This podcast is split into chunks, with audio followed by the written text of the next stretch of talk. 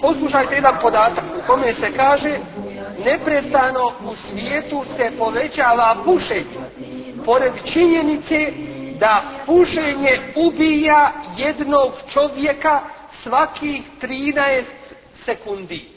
Dakle, svakih 13 sekundi, ako se godišnje uzme procenat koliko ih umre od pušenja i podijeli se na broj dana i sata i minuta i sekundi, onda se dođe do podatka da svaki 13 sekundi jedan čovjek umre od pušenja. I pored toga povećava se broj pušača. Dakle, šeitan radi i odrađuje revnostno svoj posao. Nadalje, Džabir ibn Abdullah prenosi da je Allahov Resul a.s. rekao, ko bude jeo bijeli ili crveni luk, neka se izdvoji iz mesđida, neka se ne približava našim džamijama i neka sjedi kod svoje kuće. Neka sjedi kod kuće. A u muslimovoj predaji stoji neka se ne približava našim mesđidima jer zaista meleke uznemirava ono što uznemirava čovjek. Poznati Alim Šeji Nasiruddin Albani kaže to je dakle poslanikov sallallahu alaihi sellem sud u pogledu onoga koji je jeo luk. A luk je koristan za organizam i halal Nije zabranjen luk da se jede. I ovakav je propis u pogledu onoga koji jede luk pa hoće da dođe u džami. Resulullah sallam kaže neka nam se oni ne približavaju. Koji su jeli luki da dođu u džami. Jer uznemiravaju meleke, a melek uznemirava ono što uznemirava i čovjeka. A normalno da i, i ljude to uznemirava. Pa kaže, ovo je poslanikov sallallahu alaihi wasallam. Sud u pogledu onoga koji je jeo luk. A luk je koristan za organizam i halal. I kaže Resul alaihi sallam za da sjedi kod svoje kući. A šta je sa onim koji puši cigarete? Koje su odvratne i otrovne. Hoćete li uzeti pouku o razumom obdare? Kaže ovaj alim. Razlog zbog kojeg je poslanik a.s. zabranio dolazak u mesđid onome koji je jeo luk, to je neprijatan miris koji ometa klanjača. Takav je onda hukon ili propis o pušenju koji je daleko neprijatnijeg mirisa od, od luka? Pušači svojim neprijatnim mirisom uznemiravaju klanjača. A to najbolje znaju oni koje je Allah Đelešanu sačuvao od zla. Ovo je potpuno oprečno sunnetu koji postiče da se klanjač prije polaska u na namiriše najljepši miris, da očisti mi svakom svoja usta. Prenosi se od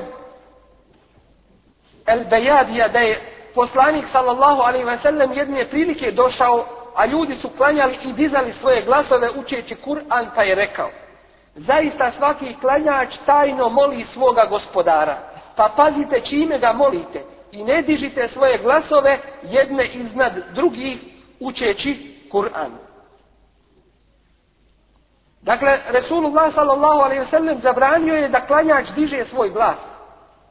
Zato jer time ometa svoga brata koji, je isto, koji se tako isto obraća uzvišenom Allahu. Iako učenje Kur'ana se smatra među najvrijednijim ibadete. Kolika je onda strogost zabrane ometanja klanjača neprijatnim mirisom duhana. Kaže Ibn Abdul Berf, ako je muslimanu zabranjeno da uznemirava svoga brata učenjem Kur'ana, uznemiravanje na drugi način je još strožije zabranjeno.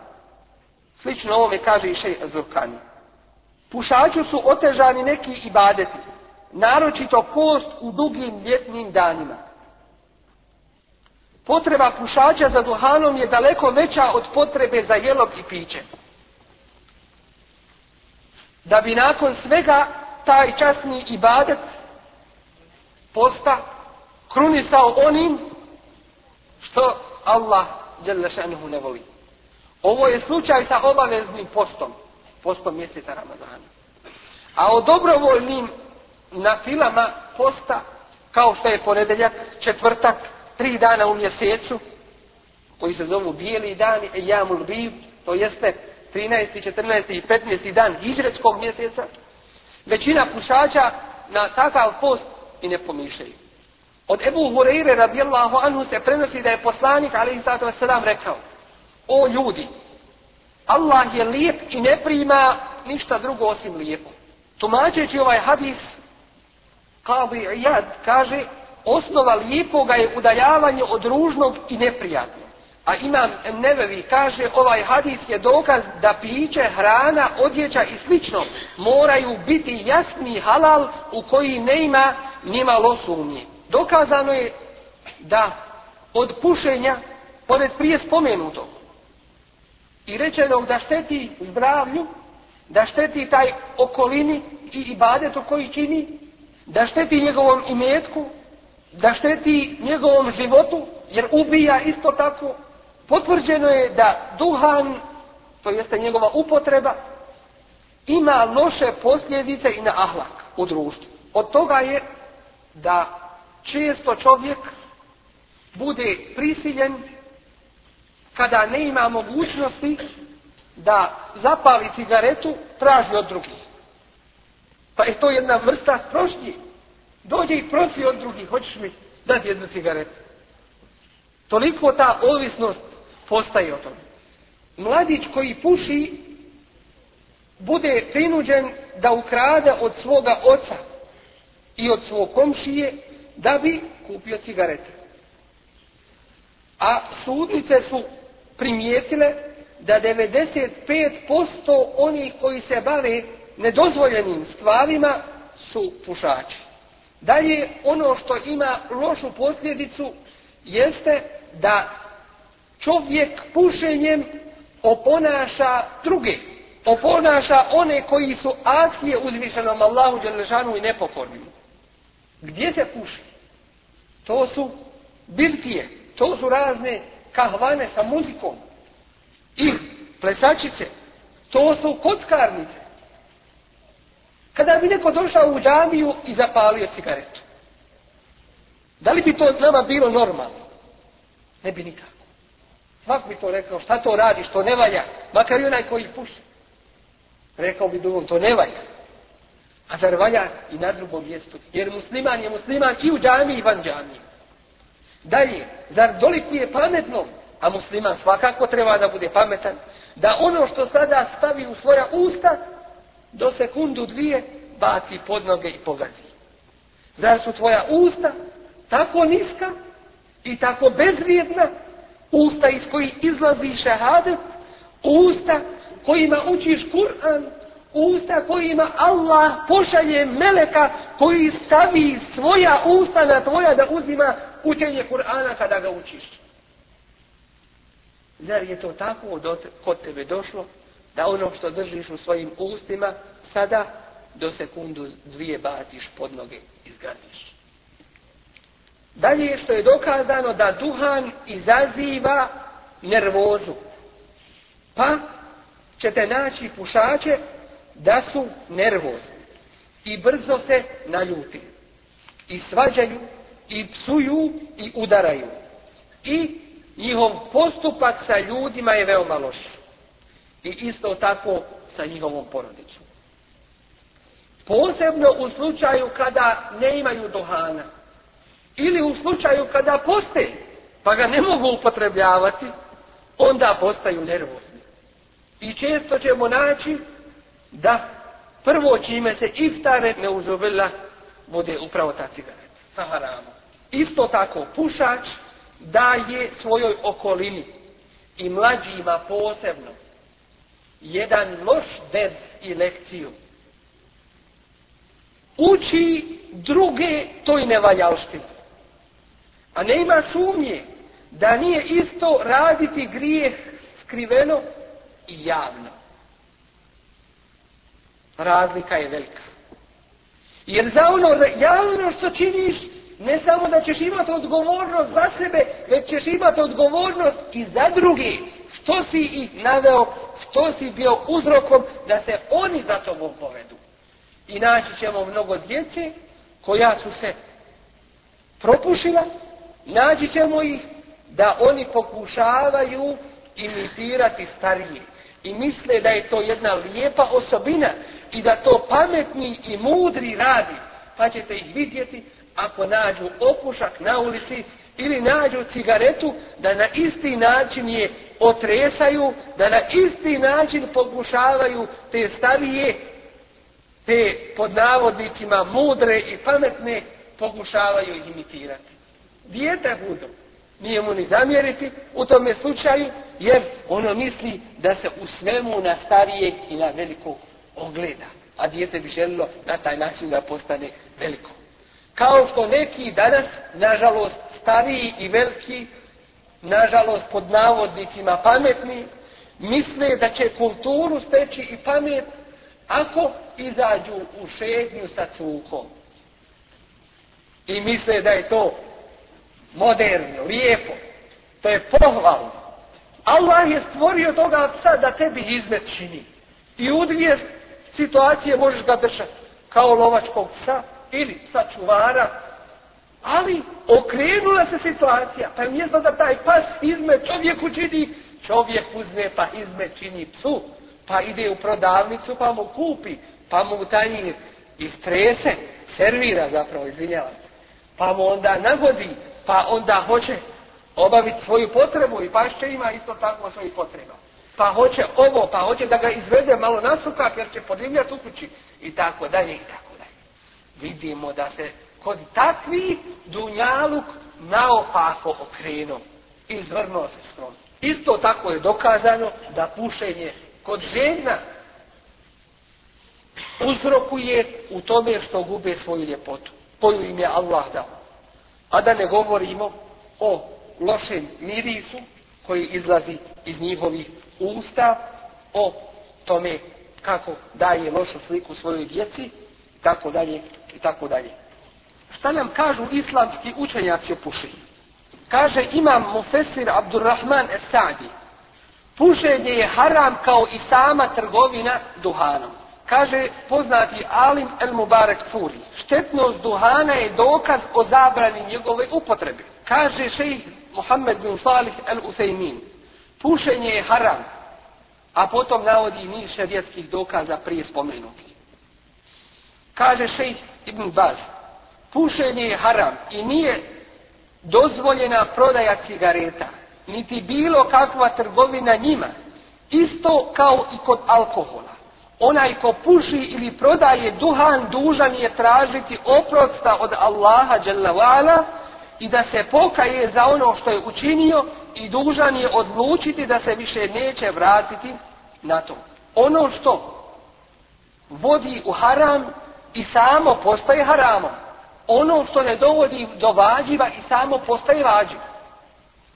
Pa tako, miješanje muškaraca i žena, tilat koje je dovodi do zinaluka kasnije je haram sa jedne strane. I drugo, voda koja ti je potrebna da uzmeš abdest koji je vađib, postaje ti samo traženje vode vađibom i dužnošću. Dakle, to je jedno pravilo iz usuli fikra.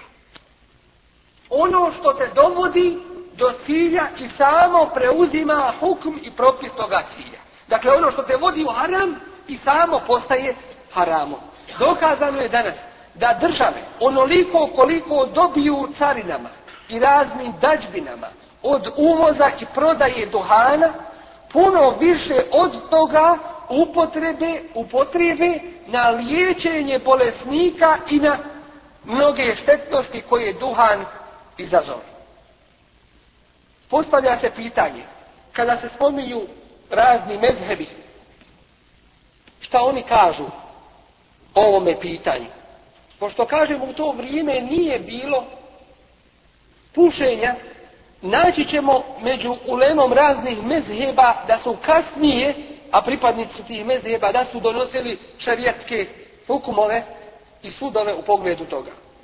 Pa tako kaže Ibnu Abidin, ako se dokažu, a mi smo već rekli ono svoje vrijeme, tada nije mogao to na ovaj precizan način dokazati. Kaže, ako se dokaže štetnost duhana i da u njemu nema koristi, kao što smo vidjeli, se je i ta u bitahrimihi. Dozvoljeno je reći da je harama. Po kome mezhebu? Smije se reći. Po hanefijskom mezhebu. Neka dobro čuju oni koji kažu pa može se, to je mekru. Šta znači mekru? To je pokuđeno, to je nešto što ne valja. To je nešto što ne smije se raditi. A kako možemo i šta možemo reći o onome koji je prijedvodnik muslimana kao imam, stane pred džema. Loš li je taj imam? I loš li je taj uzor takvim džematlijama? je kažu, haram je prodavati duhan. Hambelije kažu, od onoga što je spomenuto od sunneta Resulullahovog sallallahu alaihi sellem i govora učenih jasno nam je da je haram pušiti. A malikije kažu nije dozvoljeno da bude imam onaj ko puši. Da ponovimo, nije dozvoljeno da bude imam onaj koji puši. Da ne govorimo, je dozvoljeno da bude muftija, da bude kadija, da bude nešto veće i nešto veće bez obzira o kome se radilo, ili halifa možda. Kažu, nije dozvoljen imamet onoga koji puši, niti je dozvoljeno trgovati duhanom, niti onim što opija. Da ukratko, pošto je ovo dugačka tema, pošto se o ovome dugo nije govorilo i mnogi ne smiju progovoriti jer će se to na mnoge odnositi. A dužnost je reći istinu. I dužnost je pojasniti ovu vjeru. A i ovaj govor i ovi šerijetski propisi i njihovo objašnjavanje, to je sve od naše vjere. I oni koji ne tumače propise vjere i kriju ih, takvi su na uzubila prokleti od Allaha. A oni koji ih tumače, a krivo ih tumače, oni laju juflihun, kaže Kur'an. Neće nikada uspjeti. Šta znači neće uspjeti, ne ima im dženneta. A mjesto im je vječno u džehennemu neuzupljeno. Krivo tumažite Allahovu vjeru. Dolazi čovjek Božje poslaniku, ali i zato selam, pa kaže, eusini, wala tuksir aleje, lealli ahfam. Božji će ovasijeti, oporuči mi nešto, ali nemoj nešto puno, nešto dugo, da mogu upamtiti šta mi govoriš. A onda mu kaže Rasulullah sallallahu alaihi wa sallam, la tazba. Nemoj da se srdiš. Prenosi Buharija. Wa an Sulejman ibn Surd. Kale istebda ređulani inda nebije sallallahu alaihi wa sallam wa nahnu indahu džulus. Dvojica ljudi žestoko se posvađaše kod Božijeg poslanika, ali sad sam, a mi sjedimo tu. ahaduhuma يسب sahibahu مغضبا قد احمر وجهه a jedan od njih napada ovoga svoga kolegu toliko razljučen da mu je lice pocrvenilo. Kale nebiju sallallahu alaihi ve sellem, a tada reče Boži poslanik alaihi sallatu ve Šta je rekao tada? Kaže, inni le a'lamu kelimeten le uqalaha le dehebe ma Ja znam nešto. Ako ga bude rekao, sigurno će otići od njega ta sržba. A to je Eudu billahi mine šeitane rađim. Tražim zaštitu i utočište kod Allaha od pokretog šeitana. Ne ima pušenja, ne ima nečega što bismo mogli nadugo tumačiti. Zatim, kada se čovjek naljuti, kaže nam Kur'an, idfa billati i ahses. Ti, kada te neko napadne, na najljepši način to odvrati. A ne pušenjem i ne na nekakav drugi način. Zatim, ako je nekoga musibet našao, kaže daj mi da se malo smiri, da zapali. A Allah kaže i da esabetu musibetun, kad ih zadesi kakav musibet, kalu inna lillahi wa inna ilaihi Oni kažu mi smo Allahom i nebu se vraćamo. Gdje je din od nas? I gdje smo mi od dina? Onaj koji puši. Da desnom rukom uzene da zapali lijevom rukom. Reći će, pa dobro, to, to nije lijepo, pa će uzeti lijevom rukom. Reći će, pa sam priznaje da nije lijepo. Hoće li desno mi lijepo, mi sve znamo kako ćemo sjediti, kako ćemo hodati, kako ćemo spavati, šta ćemo i kako ćemo zarađivati. Sve, sve, sve u našem životu nam je pojašnjeno. Ali još ne znamo kako se puši. Ne znamo kojom rukom. Zatim neki kažu, kada se rastužim, malo mi kaže lahni, malo mi razgali, kad jednu spržim. Najgori je musibet onaj koji nas nije. Najgori je musibet onaj koji ljude nasmije. To, toliki je musibet da ne zna insan gdje plaku i bi se smiju. Od budalaštine sirtke. Kaže hadis Resulullah sallallahu alaihi ve sellem koga prenosi Ibn Mesud, a bilježi Ahmed. Kada čovjeka zadesi neka briga i tuga, pa kaže Allahumme inni abdu Dove ove moramo pamtiti. Da živimo sa zikrullahom. I to zikrullahom koji je po sunnetu prenesen. A ne nekakvim izmišljenim koje Allah ne prihvaća i ne priznaje. Pa se čovjek žaba potrudio na kraju. Ništa. Praznu ruku. Ovo je zikrullah koji se prihvaća. I svaki drugi koji je naveden Kur'anom i sunnetom Rasula. Allah Allahumme inni abduk. webnu abdik. وابن أمتك ناصيتي بيدك, بيدك ماض في حكمك عدل في قضاؤك أسألك بكل اسم هو لك سميت به نفسك أو أنزلته في كتابك أو علمته أحدا من خلقك أو استأثرت به في علم الغيب عندك أن تجعل القرآن العظيم ربيع قلبي ونور صدري وجلاء حزني وذهاب همي Kaže Resulullah sallallahu alaihi sallam, ko prouči ovu dovu, od njega će ta briga i teškoća otići. I ko je probao, uvjerio se u to. Da ti je ne znam kakav pritisak, teškoća i tegoba, ovu dovu prouči, ovo ti je, što kažu bili Od prve ruke. I nemoj nikoga više pitat nakon Resulullah sallallahu alaihi ve sellem što te tome je poučio. Ukratko da kažemo nekoliko riječi kakav je sud Islama o onome koji se bavi prodajom, kupovinom duhana i koji radi u fabrici duhana. Kada je pitan šej Salih, Muhammed bin Salih al-Utaymin, današnji veliki alim, da li je dozvoljeno raditi, raditi u tvornici duhana i da li, je takva, i da li se takva zarada računa halalom, on odgovara. Nije dozvoljeno raditi u tvornici duhana, jer je to učestvovanje u proizvodnji harama. Jer uzvišeni Allah kaže وَتَعَوَنُوا عَلَى الْبِرِّ takva I međusobno se potpomažite u dobročinstvu i čestitosti, u bogobojaznosti. وَلَا تَعَوَنُوا Čujte sada zabrane. A nemojte se potpomagati alel ismi u grijehu vel udvan i neprijateljstvu. kullah i bojte se Allaha inna Allahe šedidu liqab a Allah je taj koji žestoko kažnjava. Dakle, imetak zarađen na ovakvim i sličnim mjestima je haram. Imetak na ovakvim i sličnim mjestima koji je zarađen haram je i bolji je manji mjesečni prihod u kome Allah Đelešanuhu učini bereket, nego više sredstava u kojima nikakvog dobra ne ima. Allah Đelešanuhu ne prima sadaku od takvog imetka. Zato je savjet onima koji rade na takvim mjestima da ih napuste i da se pokaju uzvišenom Allahu te bareka wa ta'ala te da potraže halal obskrbu. A onaj ko se bude Allaha bojao وَمَنْ يَتَّقِ اللَّهَ يَجْعَلْ لَهُ مَخْرَجًا Ko se bude Allaha bojao da će mu izlaz وَيَرْزُقْهُ مِنْ حَيْثُ لَا يَحْتَسِبْ i obskrbit će ga odakle se i ne nada وَمَنْ يَتَوَكَّلْ عَلَى اللَّهِ فَهُوَ حَسْبُ Ako se na Allaha osloni, on mu je dovoljan. I nekoliko samo riječi i savjeta onima koji puše kako da se toga putarišu i oslobode. Kao prvo, da se zareknu uzvišenom Allahu Đelešanu, da će napustiti taj haram.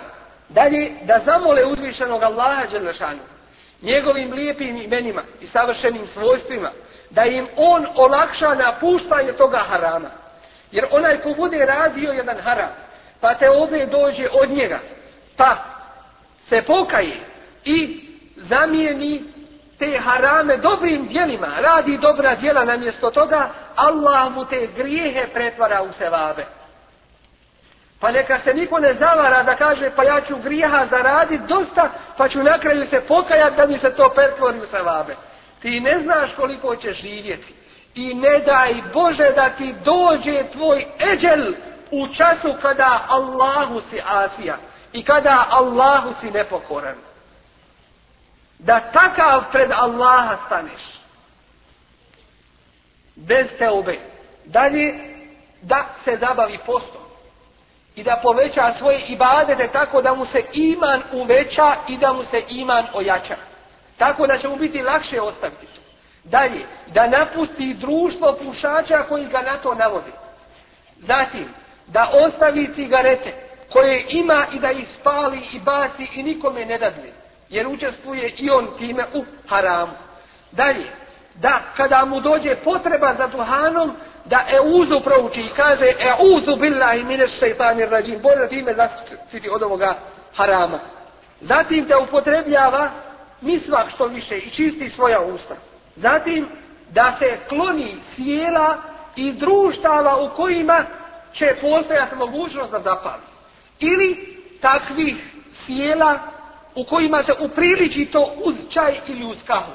Pa će ako treba i tu kahvu i taj čaj nečim drugim da zamijeni.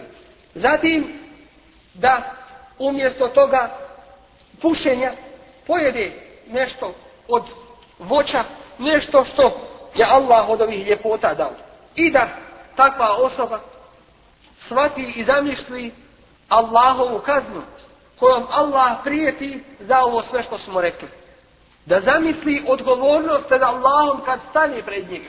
Da će odgovarati za sve što je potrošio. Odgovarat će i morat će položiti račun za sve što je u svome životu potrošio. A kako će položiti račun za ovo? Ne ima za to polaganje računa. Nek se sjeti svoje braće muslimana koji umiru od gladi. Koji umiru pod topovima i granatama.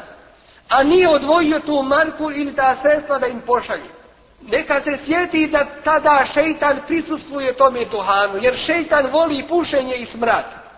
Jer šeitan voli taj dim. Jer ga šeitan na taj način čini da kiburi se, da se oholi, da osjeća da je veličanstvo neuzubila, a veličanstvo pripada jedino uzvišenom Allahu Đelešanu.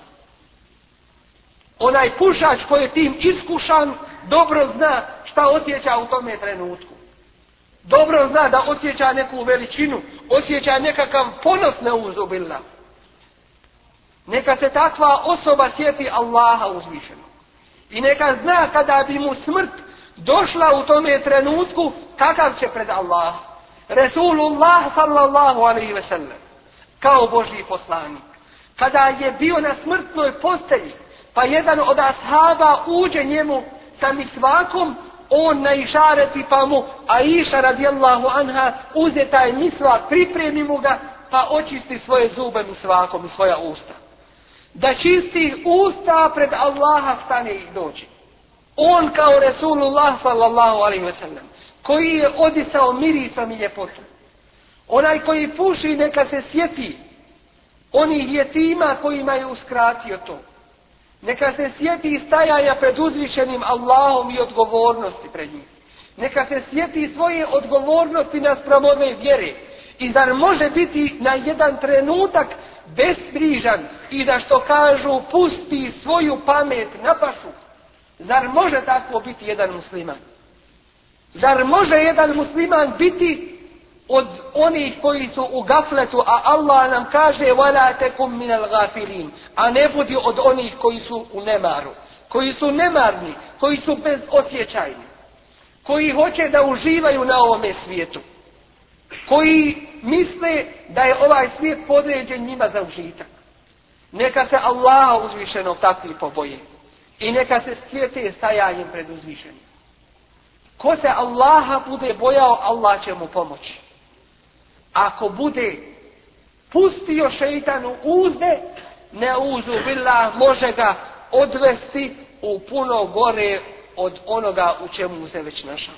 Molimo uzvišenog Allaha Đanršana, njegovim lijepim imenima, njegovim savršenim svojstvima, da naš ummet oslobodi i kutariše ovog velikog belaja u kome smo se našli. Danas oslobodi ovih slabosti koje su nas kao ummet pritisle. Da nas ojača u našem imanu. Da nas pomogne u svakome hajru kako bismo čistog i svjetlog obraza stali pred njega uzvišenog tebara kao ta'ala. Amin ja Kaže nam uzvišeni Allah u u i Kerimu, Ma فرطنا fil kitavi min ništa u knjizi propustili nismo. Što znači da je uzvišeni Allah tabaraka wa ta'ala pojasnio sve što se tiče nas ljudi, našeg života na ovome svijetu i čak prije nego što dođemo na ovaj svijet i poslije nakon našeg odlaska sa ovoga svijeta. I kao što je uzvišeni Allah spomenuo u svome kitabu propise našeg života, našeg vjerovanja i rada po tome. Isto tako njegov Resul Muhammed sallallahu alaihi ve sellem je to u detalje pojasnio i objasnio ljudima tako da ne bude nejasnoća u cjelokupnom ljudskom životu. I tako nas je ostavio na jasnom, čistom putu koji je jasan, koji je tako bistar da je noć kao i dan ne može sa njega skrenuti osim nesretnika. Često nailazimo u našem svakodnevnom životu na pitanja o kojima treba progovoriti i objasniti šarijatski sud. Šta nam islam izvorni govori o određenom pitanju. Tako da znamo mi po tome raditi i da znamo drugima prenijeti to. Muslimani današnjice iskušani su mnogim belajima, mnogim iskušenjima. وَمَا أَصَابَكُمْ مِنْ Koji god musibet da vas zadesi, to je zbog toga što su to zaradile vaše ruke od ovih mnogih musibeta u kojima danas muslimani žive jeste musibet u našoj vjeri. To jeste da muslimani danas olahko drže do svoje vjere. Ono što znaju od vjere ne drže se mnogo toga i ne drže mnogo do toga. Ako radi, mnogi opet od njih ne rade to trajno već ponekada izvršavaju. A oni koji izvršavaju, mnogi od njih naći ćemo da često formalno izvršavaju islamske propise. Bez iskrenog obavljanja kako nam uzvišeni Allah to propisuje. Od toga su nam došli mnogi belaji i musibeti. A jedan od velikih musibeta jeste to čime su danas muslimani iskušani a to je musibet pušenja. Musibet upotrebe duhana u svakodnevnom životu tako da se može reći da je to jednostavno postala jedna zaraza među muslimanima. I dužnost nam je progovoriti o toj temi da se objasni ljudima kakav je islamski stav o tome ليهلك من هلك عن bejinatin wa yahya men hajja an da bude helač onaj koji će biti helač nakon što mu se objasni a da dalje živi onaj koji će živjeti isto tako jasno da znamo prije ahireta prije nego što stanemo pred uzvišenog Allaha šta nam naša vjera o tome govori o ovoj temi jedan od islamskih alima, šejh Mešhur, kaže da je, koliko je njemu poznato, napisano oko 70 dijela, koja nam pojašnjavaju islamski propis u pogledu pušenja i upotrebe duhana. Poznato nam je kao muslimanima da je Islam sa svojim propisima i principima došao da sačuva petero konovnika.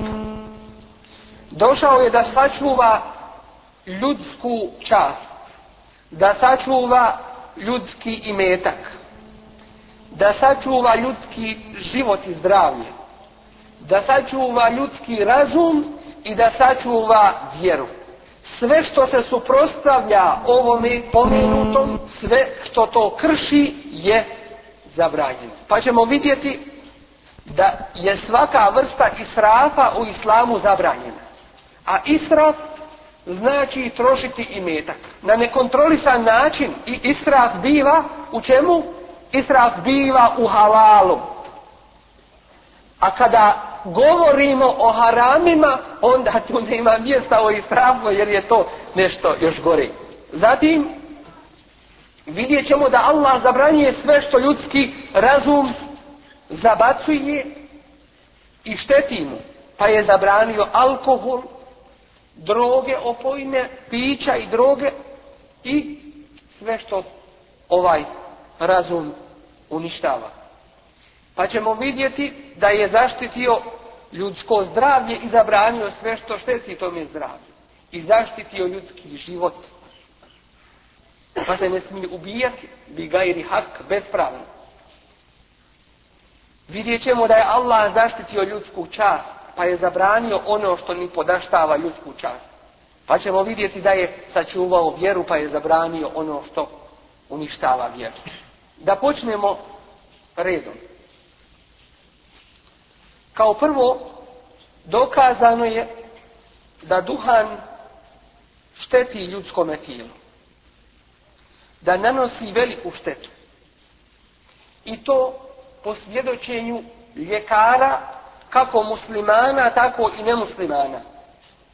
A Allah nam kaže فَسْأَلُوا ehle zikri in kuntum la ta'lamun.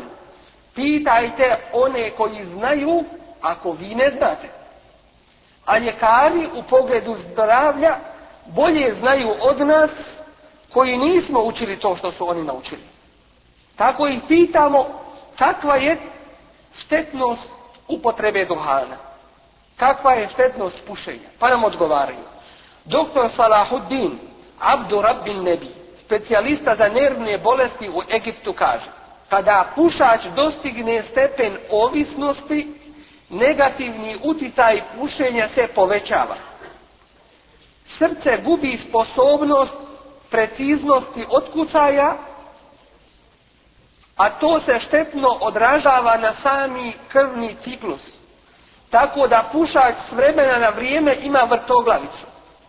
Dolazi do kontrakcije moždanih vena, a u poznim godinama krvni pritisak se znatno povećava. Organi za probavu i disanje također nisu pošteđeni. Pušač gubi apetit i ima žestok kašak.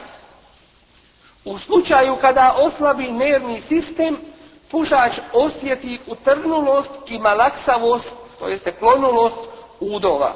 Na godišnjem kongresu doktora u Americi, održanom u Čikagu 1966. godine, glavna tačka dnevnog reda bila je opasnost pušenja.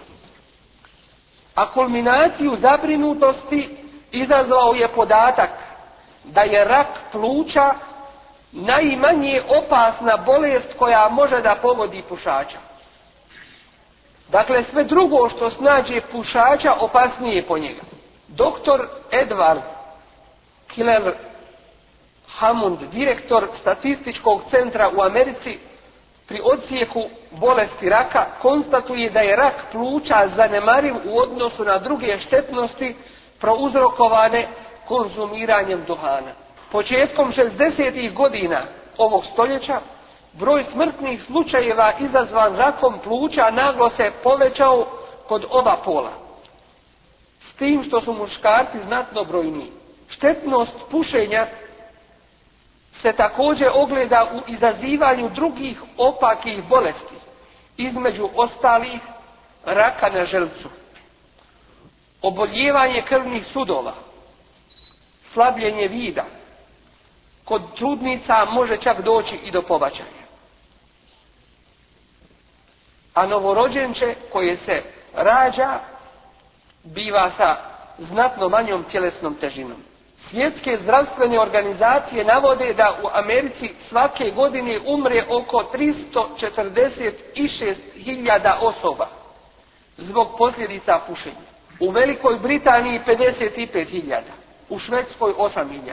Statistika također govori da svake godine umre 140.000 malodobnika od posljedica pušenja. Potvrđuje se da 90% onih koji su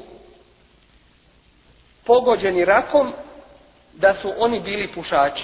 10% oboljelih od raka. Poznato nam je da kada zimi ložimo vatru, pećim starinski kojih još ima kod kuće, potrebno je svake godine pročistiti ođak, solidnjare i tako dalje.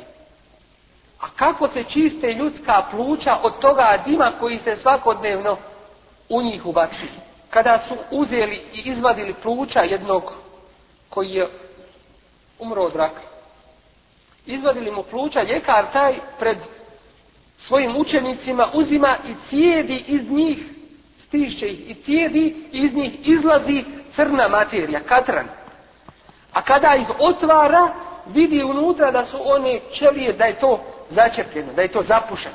Vidimo kolika je štetnost po zdravlje čovjeka u tome. Vidimo da posebno u novije vrijeme mnoge države su ograničile pušenje u sredstvima javnog prijevoza, u zatvorenim ustanovama i na drugim mjestima gdje će ljudi i oni koji ne puše biti pogođeni time. Dokazano je u savremenoj medicini da u duhanu postoji otrov koji se zove nikotin. Pa je dokazano time što je uzet jedan živi zec i u njega su špricom ubacili, nektijom ubacili su nikotina. Pa je bio vrlo brzo opijen i nakon toga je umro.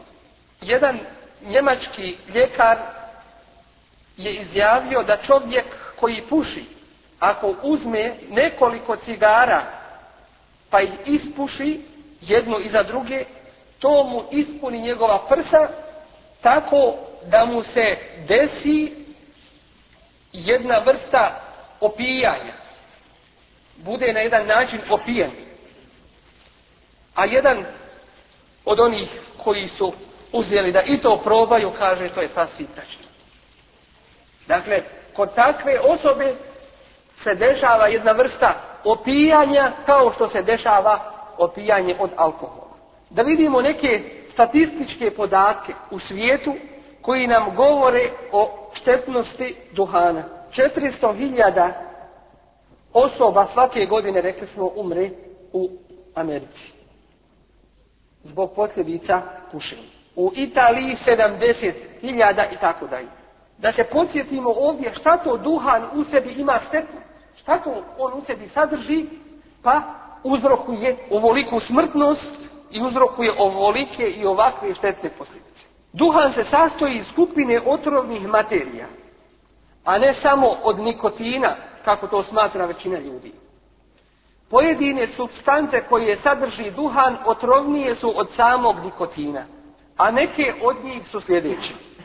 Gas, takozvani prvi ugljen oksid, otrovanje. Drugo, olovna materija. Jako je otrovna i koncentriše se tako da tijelo nije u mogućnosti da je se oslobodi. Treće, benzoberin, koji je neposredni uzrok raka. Četvrto, nikotin, jako otrovna materija. Ako bi se odjednom 50 mg ubrizgalo nikotina u čovjekove vene, uslijedila bi trenutna smrt. Peto, radioaktivni plonijum nagomilava se u plućima pušača i napada Šesto, katran, to je žuta ljepljiva materija zbog koje požute zubi pušača, a on izaziva karijes i napada nefte. Boja katrana se jasno vidi na filteru ispušene cigarete kao i na prstima pušača. Ovo je ujedno i najotrovnija materija duhana. Sedmo, arsen. Koristi se za uništavanje insekata.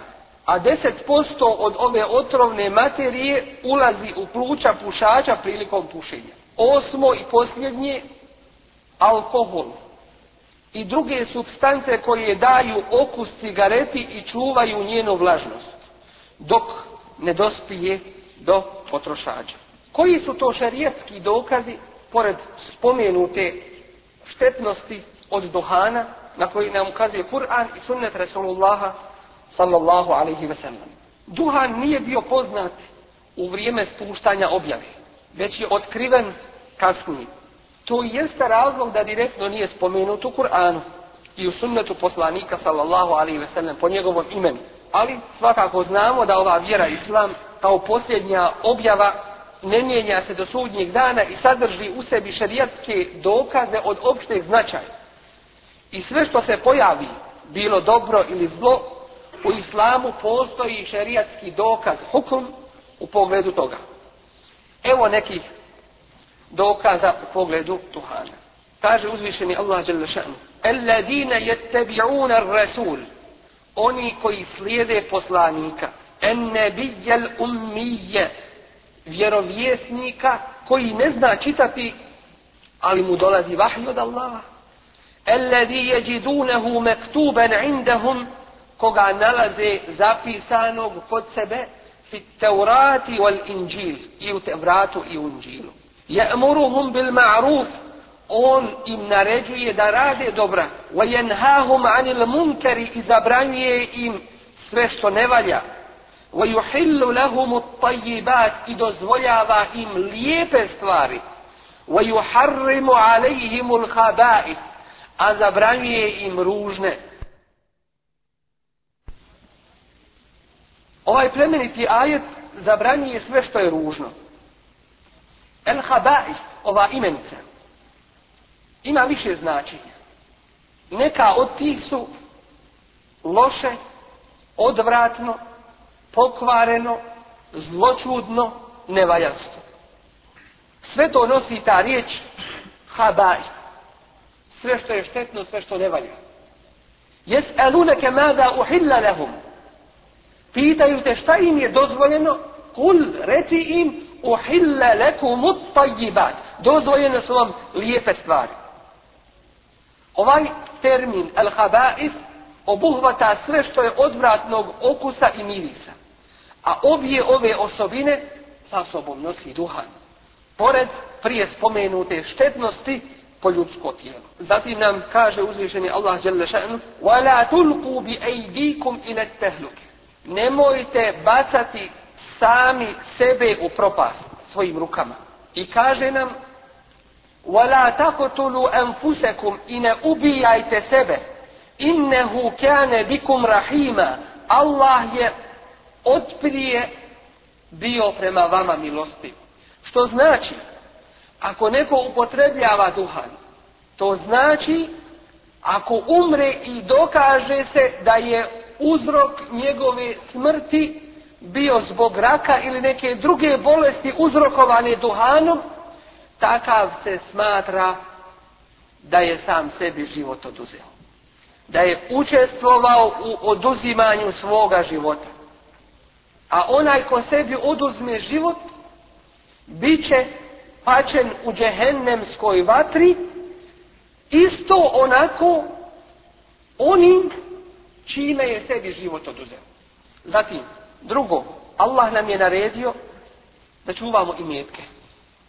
I za imetke ćemo biti odgovorni. I zato je zabranio svaku vrstu israfa. A israf biva u dozvoljenim stvarima to znači da čovjek pretjera u dozvoljenim stvarima. Israf ne biva u haramstva, jer haram je haram. I u osnovi ga ne smiješ činiti, a kako tek smiješ pretjerati u njemu? Nego Israf bude u dozvoljenim i pohvaljenim stvarima. Kao što uzmišljeni kaže, i إِذَا أَنْفَكُوا opisujući prave mu'mine vjernike, kaže, i oni koji kada budu davali, dijelili, lem yusrifu israf ne čine, lem jakturu niti škrtare. Srednji. Dakle, dijele pomažu drugi. kane bejne dalike kavama. Takvi su u sredini jednoj. Takvi to je ispravnost jedna. Pa nam kaže uzvišen, wa ati del kurba haqqahu i daj pravo svome bližnjem wal miskine i siromahu wa ibn sabili i putniku namjerniku Wala tu bezdir tebzira i nipošto nemoj da rasipaš. U čemu da rasipaš? paš, ovome prije spomenuto. Da sve podijeliš pa da budeš u Onda ti muhtač posto. Innal mu bezdirine, a oni koji rasipaju kanu ihvane šejatim, oni su braća šeitanova. Wa kana ash li rabbihi kafura a šeitan je još odavno Allahu nevjernik bio. Komentarišući ovaj ajet rekao je Abdullah ibn Abbas. Rasipnici su oni koji nepotrebno rasipaju imetak.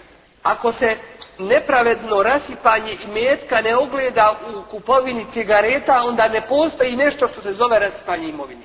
Kada je Ibn Mesud upitan ko su to rasipnici, on odgovara rasipnici su oni koji nepravedno troše svoj imetak. Koji nepravedno troše svoj imetak. A Allah uzvišeni kaže u drugom ajetu وَلَا تُسْرِفُوا إِنَّهُ لَا يُحِبُّ الْمُسْرِفِينَ I nemojte rasipati jer Allah ne voli rasipnike. Kaže Ata, ovim ajetom Allah zabranjuje rasipanje u svemu. Dakle, rasipništvo se zabranjuje. Ali ne trošenje na Božijem putu, kao što ćemo naći Ebu Bekra radijallahu anhu, da kod nekoga ne bi bila u ovome nejasnoća. On je znao doći i da cjelokupni svoj imetak na Božijem putu, ali to se ne naziva rasipništvom. Jer iman Ebu Bekra je poseban iman. Pa kada ga pita Resulullah sallallahu alaihi sallam šta si ostavio svojoj porodici, on kaže ostavio sam Allaha i njegovog poslanika. Mnogi kada bi opukarili, postavilo bi se pitanje njihovog vjerovanja. Ali, evo Bekr to ne škodi.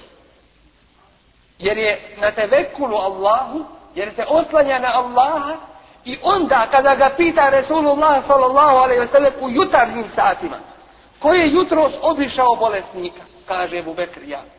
Koji je jutros zapostio, kaže ja.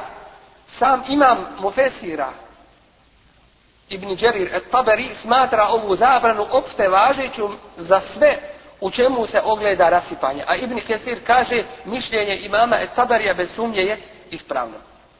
Resulullah s.a.v. nam kaže u svome hadisu Allah ne voli troje. A u predaji muslimovoj stoji Allah je zabranio troje. Prvo, rekla kazala, prenošenje riječi. Drugo, puno pitanja. I treće, rasipanje imetka. Dakle, iz ovoga razumijemo jasno da je kupovina duhana i pušenje bez sumnje rasipanje imovine.